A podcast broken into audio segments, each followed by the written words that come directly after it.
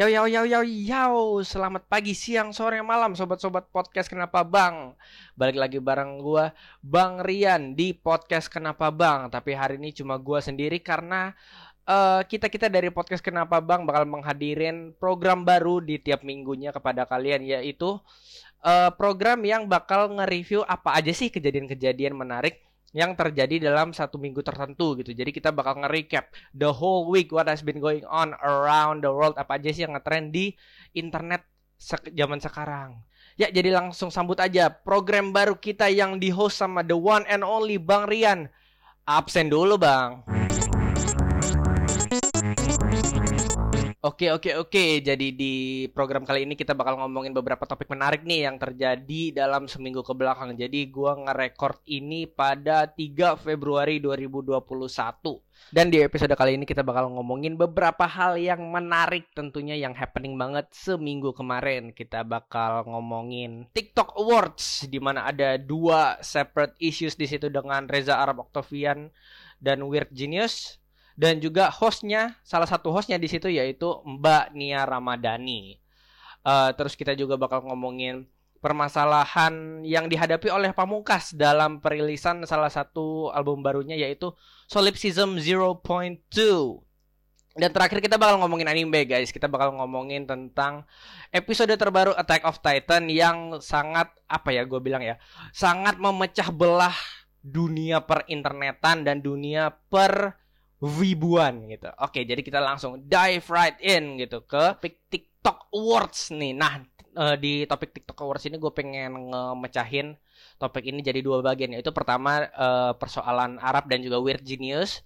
Terus yang kedua itu adalah permasalahan dengan host Nia Ramadhani gitu. Uh, kayaknya lebih enak kalau gue mulai dari Nia Ramadhani duluan deh. Jadi di TikTok Awards yang baru-baru ini diadain oleh pihak RCTI, kedua host yang dipilih oleh RCTI adalah uh, pertama itu ada Raffi Ahmad dan juga Nia Ramadhani. Nah, Raffi Ahmad ini tentunya setelah bertahun-tahun nge-host, setelah tahun-tahun nge-MC gitu, tentunya dia prof tampak profesional dan juga cakap gitu dalam melakukan pekerjaannya, tapi tidak tidak berlaku untuk Nia Ramadhani.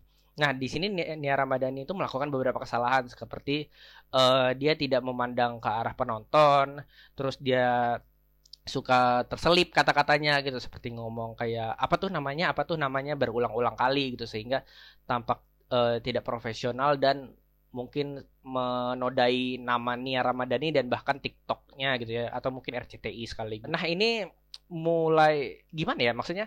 Nia Ramadhani ini menjadi cercaan gitu di seluruh ujung dunia maya gitu. Kayak apaan sih Nia Ramadhani nggak becus lu? gitu. Uh, Nia Ramadhani ngapain jadi host? gitu. Apa kayak aneh banget gitu. Sampai uh, apa ya salah satu komen yang gua demen banget itu uh, komen dari salah satu satu uh, anchor mungkin ya bisa dibilang anchor dari Prambors Radio gitu. Mbak Bella Arswendita cek cek her out di Prambors dan juga TikTok Bell Bella Arswendita. Dia bilang itu kayak kenapa nggak gue aja yang jadi hostnya? Gitu. Is gue menurut gue ter, uh, gue tertarik banget sih kalau misalnya Mbak Bella mau jadi host di acara-acara gede kayak gitu. Karena gue sangat respect banget sama Mbak Bella gitu. Keren banget kayaknya coba kalian check her out. Um, anyway jadi ya begitu jadi begitu nih Ramadan ini sekarang ini lagi jadi buntut olok-olokan dari seluruh dunia maya. Jadi dan setahu gue sih belum ada apa ya? Belum ada semacam statement gitu yang dirilis sama Mbak Nia Ramadhani dan menurut gue gimana ya? Sebenarnya kasihan Nia Ramadhaninya juga sih karena uh, dia nih backgroundnya kan bukan MC ya, bukan MC atau host tapi lebih ke artis gitu dan juga kayaknya dia nih dipilih menjadi host cuma uh, bukan cuma ya mungkin ya tapi kayak satu karena dia populer dan latar belakangnya jadi artis gitu. Terus yang kedua adalah karena dia adalah salah satu seorang tiktoker yang uh, cukup gede di platform TikTok gitu. Menurut gue TikTok dan juga RCTI harus lebih pinter-pinter ya dalam milih host gitu. Walaupun menurut gue tuh Nia Ramadhani harusnya udah siap nerima job-job beginian waktu di offer ke dia gitu kayak Uh, misalnya gue nih kalau misalnya gue orang awam terus misalnya gue diajak ke podcast kenapa bang tentunya gue harus uh, siap dengan segala konsekuensi dong gue harus uh, bisa ngomong gue harus bisa nge-pitching ide buat program-program mingguan gitu. Jadi kayak semua job desk nggak nggak uh, nggak cuma jadi host doang tentunya ada konsekuensi dan juga hal-hal yang harus dipersiapkan gitu. Dan the lack of persiapan dari Mbak Nia Ramadhani ini menurut gue cukup gimana ya cukup annoying atau kayak cukup uh, mengecewakan gitu. Jadi buat orang sekelas Nia Ramadhani tentunya uh, manusia juga dan penuh kesalahan tapi menurut gue bisa lebih better lagi gitu. Dan mungkin dari pihak RCTI dan TikTok juga tentunya bisa lebih baik lagi. Jadi ya good luck ke depannya buat Mbak Nia Ramadhani TikTok dan juga RCTI mari kita lanjut ke section kedua yaitu permasalahan weird genius Arab dan juga sobat-sobat di kalangan Twitter dan Instagram. Nah gue awalnya tuh uh, pertama kali ngelihat ini ada temen gue mutualan gue di Instagram yang bilang kalau ih apaan sih Arab lu ngapain sih di TikTok Awards? Nggak dia nggak main keyboard terus alat EDM-nya juga lagi dipakai sama Gerald lu cuma jadi anggapannya jadi hype man doang di situ kayak kerjaan lu tuh apa gitu di WG terus barusan banget tadi siang gue ngeliat ada yang nge-tweet hal yang sama gitu seperti itu. Kayak gue nggak ngerti tugasnya Arab di sini tuh apa dia cuma uh, ganggu orang yang nyanyi doang. Nah, for konteks, jadi kemarin itu Weird Genius diajak, diundang oleh TikTok Awards buat nampilin uh, salah satu lagu hits mereka tahun tahun kemarin ya berarti ya? Iya.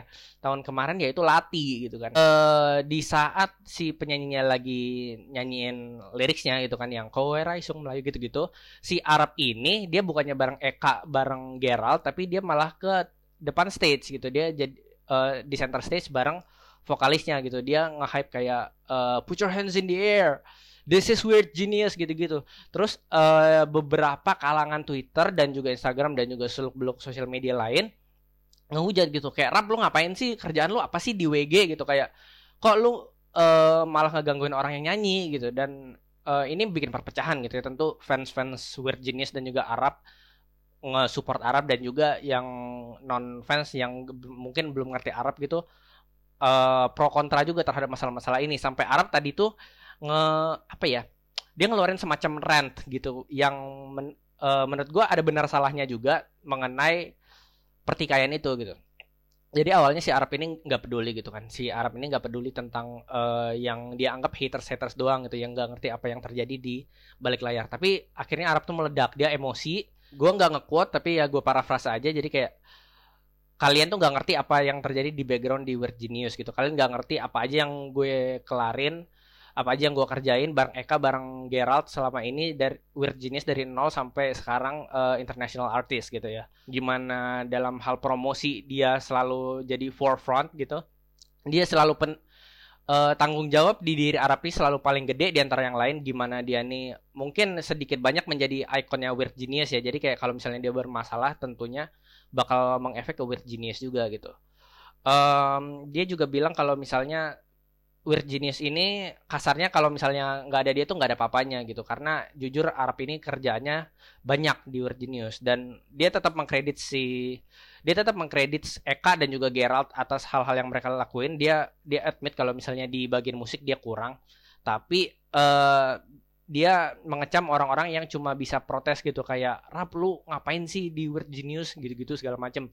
Dan Eka dan Gerald juga sebenarnya di masa-masa lampau juga udah pernah bilang gitu kayak uh, tanpa tanpa adanya Arab Weird Genius gak bakal jadi apa-apa gitu. Kayaknya sih tadi sore atau tadi siang tanggal 3 Februari tuh threadnya dihapus gitu sama Arab dan gue belum nemu orang yang nge-screenshot atau nge-save thread itu ya. Jadi gue nggak bisa bilang itu quote langsung dari Arab tapi kayak ya gue nge-paraphrase doang apa yang tadi gue baca. Dan menurut gue sendiri iya kayak uh, agak sedikit ada overreaction ya dari penonton-penonton yang mengecam Arab gitu. Karena jujur gue pribadi waktu nonton performance-nya Lati di TikTok Awards gue tuh hype banget sama uh, sama lagunya. Karena apa? Salah satunya karena Arab yang nge-hype gitu. Kayak put your hands in the air this is weird this gue malah ngerasa performance-nya malah jadi keren gitu nggak gue nggak ngerasa Arab tuh ngeganggu sama sekali di situ. Dan bagi netizen netizen yang narik narik kayak rap lu nggak guna di jenis lu keluar aja bla bla bla segala macam. Itu kayak menurut gue agak sedikit too far ya. Karena kayak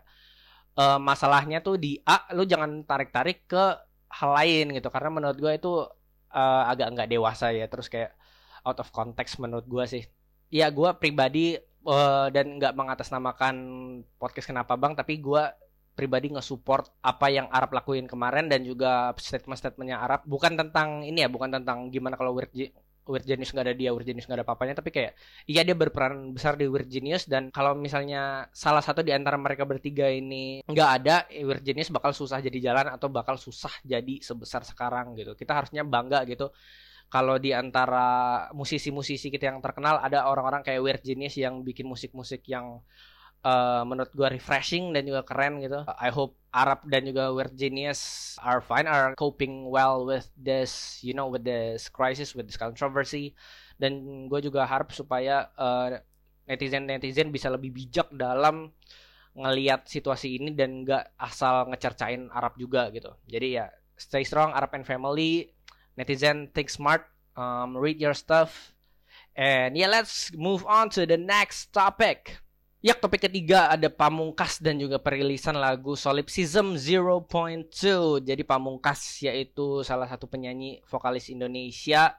Uh, kemarin ini ngerilis salah satu albumnya yaitu Solipsism 0.2 dan rilis album ini malah mengundang banyak sekali kontroversi sayangnya. Kontroversi macam apa tuh? Jadi artwork yang jadi cover album Solipsism 0.2 ini ternyata adalah uh, salah satu artwork artwork dari artis yang namanya Baptiste Virot gitu dan uh, netizen mengetahui bahwa si Pamungkas ini ternyata enggak izin dulu ke Baptiste Virot dalam perihal memakai artworknya di cover Solipsism 0.2 dan tentunya si Pamungkas ba mendapat banyak cercaan gitu. Uh, dan menurut gue pribadi cercaan-cercaan ini mungkin bukan cercaan ya, tapi kayak kritik-kritik yang dilancarkan kepada Pamungkas ini cukup uh, cukup warranted ya karena gue pribadi sih sangat-sangat against pencurian atau misalnya uh, penggunaan artwork tanpa tanpa izin yang jelas gitu. Atau kayak ya bener nggak ada izin sama ininya sama sekali sama uh, artisnya sama sekali. Dan akhirnya Pamungkas ini uh, mulai dari hari ini mereka uh, dia dan pihak labelnya bilang kalau oh oke okay, we're sorry kita ngelakuin kesalahan dan kita uh, lagi in contact with Baptiste Virot buat uh, ngelurusin se uh, semua masalahnya gitu dan tadi tuh mereka ngeluarin statement kalau uh, we already settled things down with the artist, we bought the copyrights and the illustrations, and we are in good term um, I thank him for being very understanding, for being very open, very easy to work with.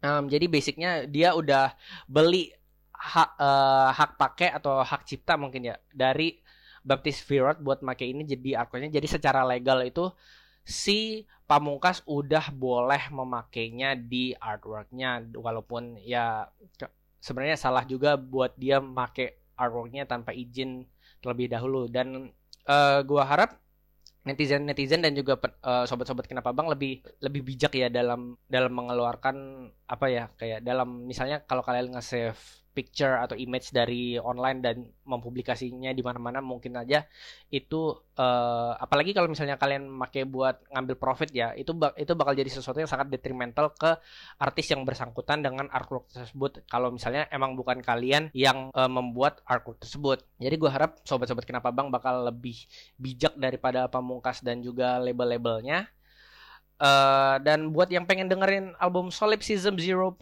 kalian bisa dengerin mulai hari ini di Spotify dan juga uh, platform-platform music yang kalian pakai lainnya. Dan beberapa lagu di situ ada Closure, I Don't Wanna Be Alone, Still Can't Call Your Name, Be Okay Again Today dan juga ada beberapa lagu lain dengan total 12 track di situ ya. Boleh banget buat kalian komen down uh, bukan komen down bill tapi komen di Instagram podcast kenapa bang at kenapa bang mungkin lagu-lagu lagu-lagu favorit kalian dari album Solipsism 0.2 by Pamungkas dan kita bakal uh, mungkin bisa feature kalian di Instagram kita gitu. Ngomong-ngomong soal Instagram podcast kenapa bang jangan lupa kalian follow at bang sekali lagi gue bilang karena kita selalu ngupdate uh, semua yang bersambungan dengan podcast Kenapa Bang di situ mulai dari teaser podcast-podcast yang bakal datang, um, artwork yang kita keluarin dan juga ide-ide yang bakal kita rilis. Dan juga kita eh, nggak uh, bakal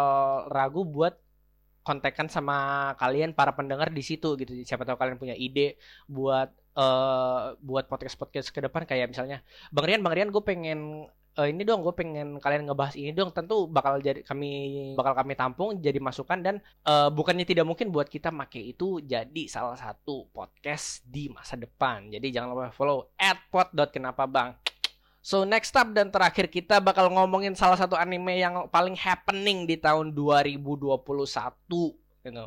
Mungkin bukan cuma 2021 tapi uh, ini uh, kemarin season 4 dari anime ini udah rame dari kayaknya dari Desember ya gue lupa-lupa ingat kapan uh, rilis episode satunya tapi tentunya kita lagi ngomongin Attack on Titan atau Shingeki no Kyojin Shinzo Sasageo Ya jadi kemarin Attack on Titan dan juga Mapa Studio ngeluarin episode ke-8 dari series Attack on Titan di season 4 ini yang berjudul Assassin's Bullet gitu ya.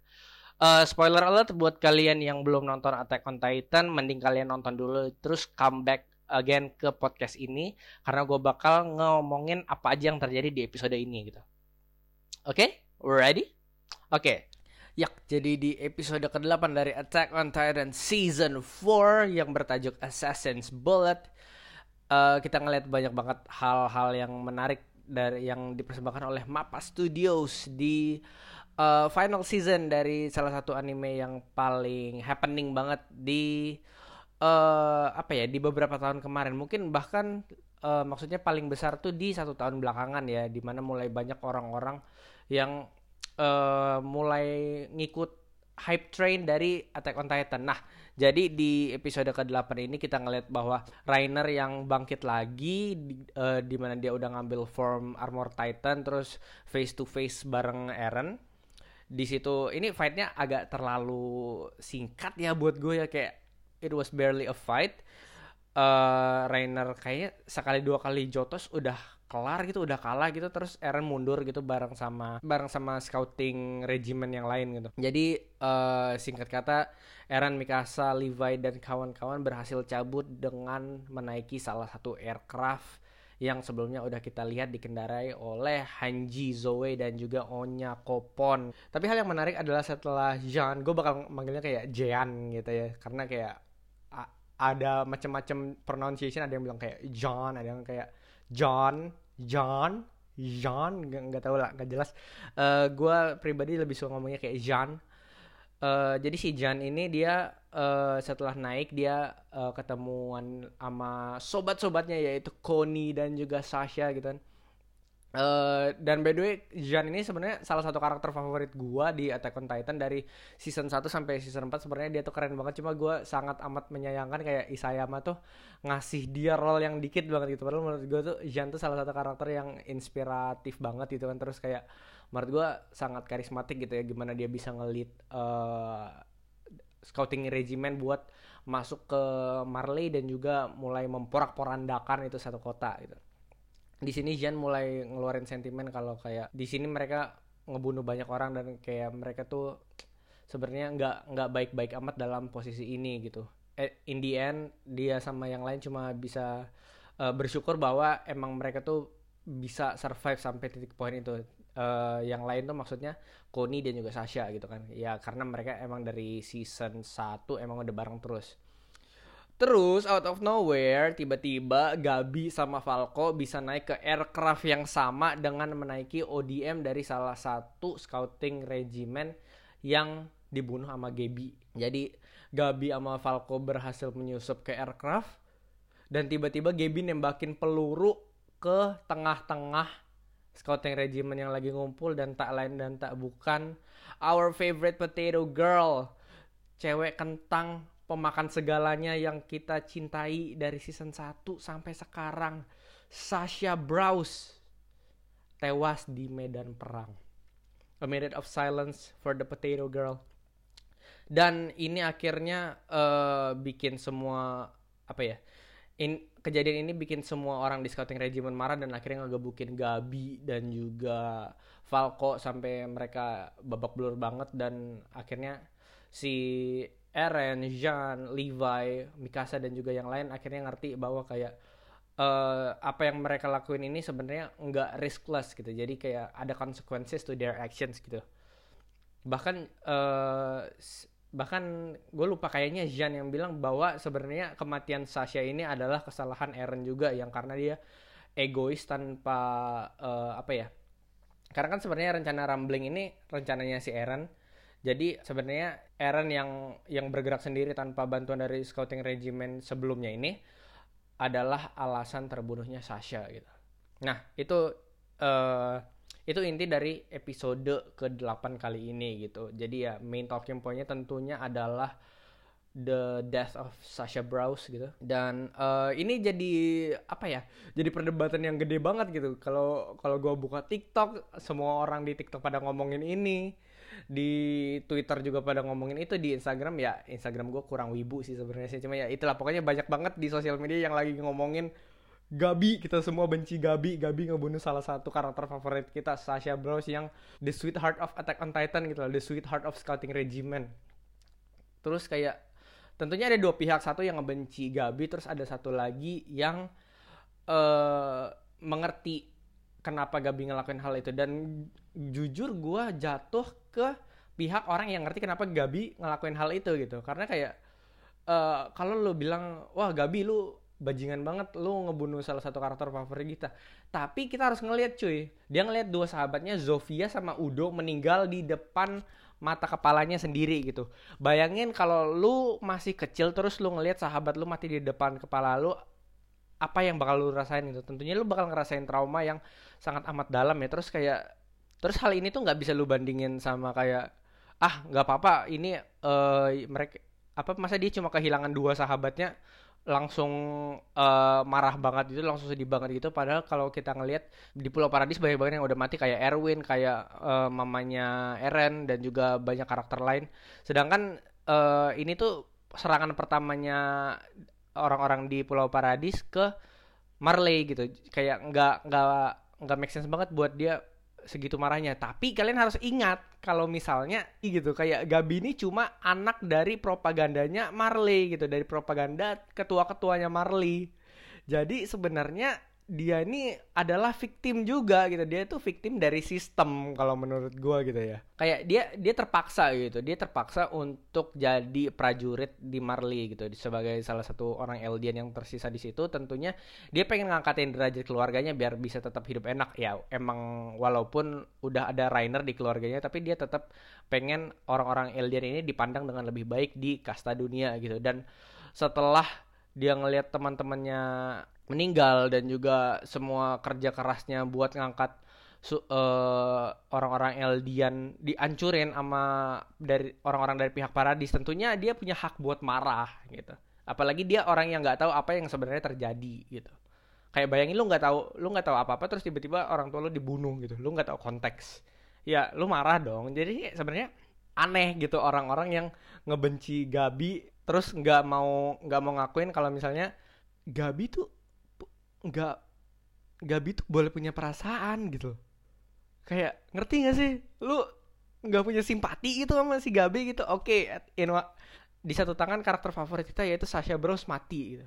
Tapi kayak jujur gue juga sangat terpukul gitu uh, sama kematian Sasha. Tapi gue juga kayak at the same time ya ini bittersweet moment banget sih. Kayak gue gue sangat amat suka uh, kalau ada misalnya uh, momen-momen emosional di cerita apa pun yang gue yang gue selami mau itu anime mau film mau komik segala macem. Kayak gue appreciate momen-momen emosional kayak gini. Terus kayak menurut gue uh, ending dari Sasha ini sebenarnya perfect banget karena dia nge setup banyak hal gitu. Ya itu dia nge pertama dia nunjukin ke orang-orang paradis bahwa semua semua rencana mereka itu ada konsekuensinya. Kayak nggak mungkin mereka expect ini semua bakal berjalan lancar gitu aja. Terus kayak uh, ini juga sentimental moment di antara main scouting regimen yaitu Mikasa, Eren gitu-gitu. Dan juga ini jadi kayak uh, semacam plot point bagi si Gabi dan juga Falco buat berkembang sebagai karakter gitu. Jadi gue gue sangat-sangat excited sih dengan apa yang bakal diproduksi sama Mapa di episode-episode berikutnya di Attack on Titan. Jadi uh, intinya mari kita semua berduka atas meninggalnya Sasha tapi ya berdukalah dengan sesuai proporsi gitu. Rest in peace, fly high our little potato girl dan uh, we'll see the rest of the gang again di episode 9 pada hari Senin nanti. Oke, okay, jadi that's it dari program absen dulu bang gitu. Jadi kayak um, this is the first episode of uh, program absen dulu bang dan kita juga bakal uh, hopefully mulai ngeproduksi program ini mingguan bareng dengan podcast yang biasanya uh, minggu depan uh, Bang Glenn, Bang Rehan dan juga teman-teman yang lain bakal balik lagi.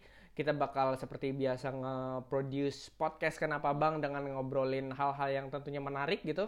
See you all next week. Tetap stay tune di podcast Kenapa Bang. Jangan lupa follow Instagram kita di @pod.kenapabang. Uh, gua Bang Rian, I'm signing out. See you later guys. Thank you for listening. Goodbye.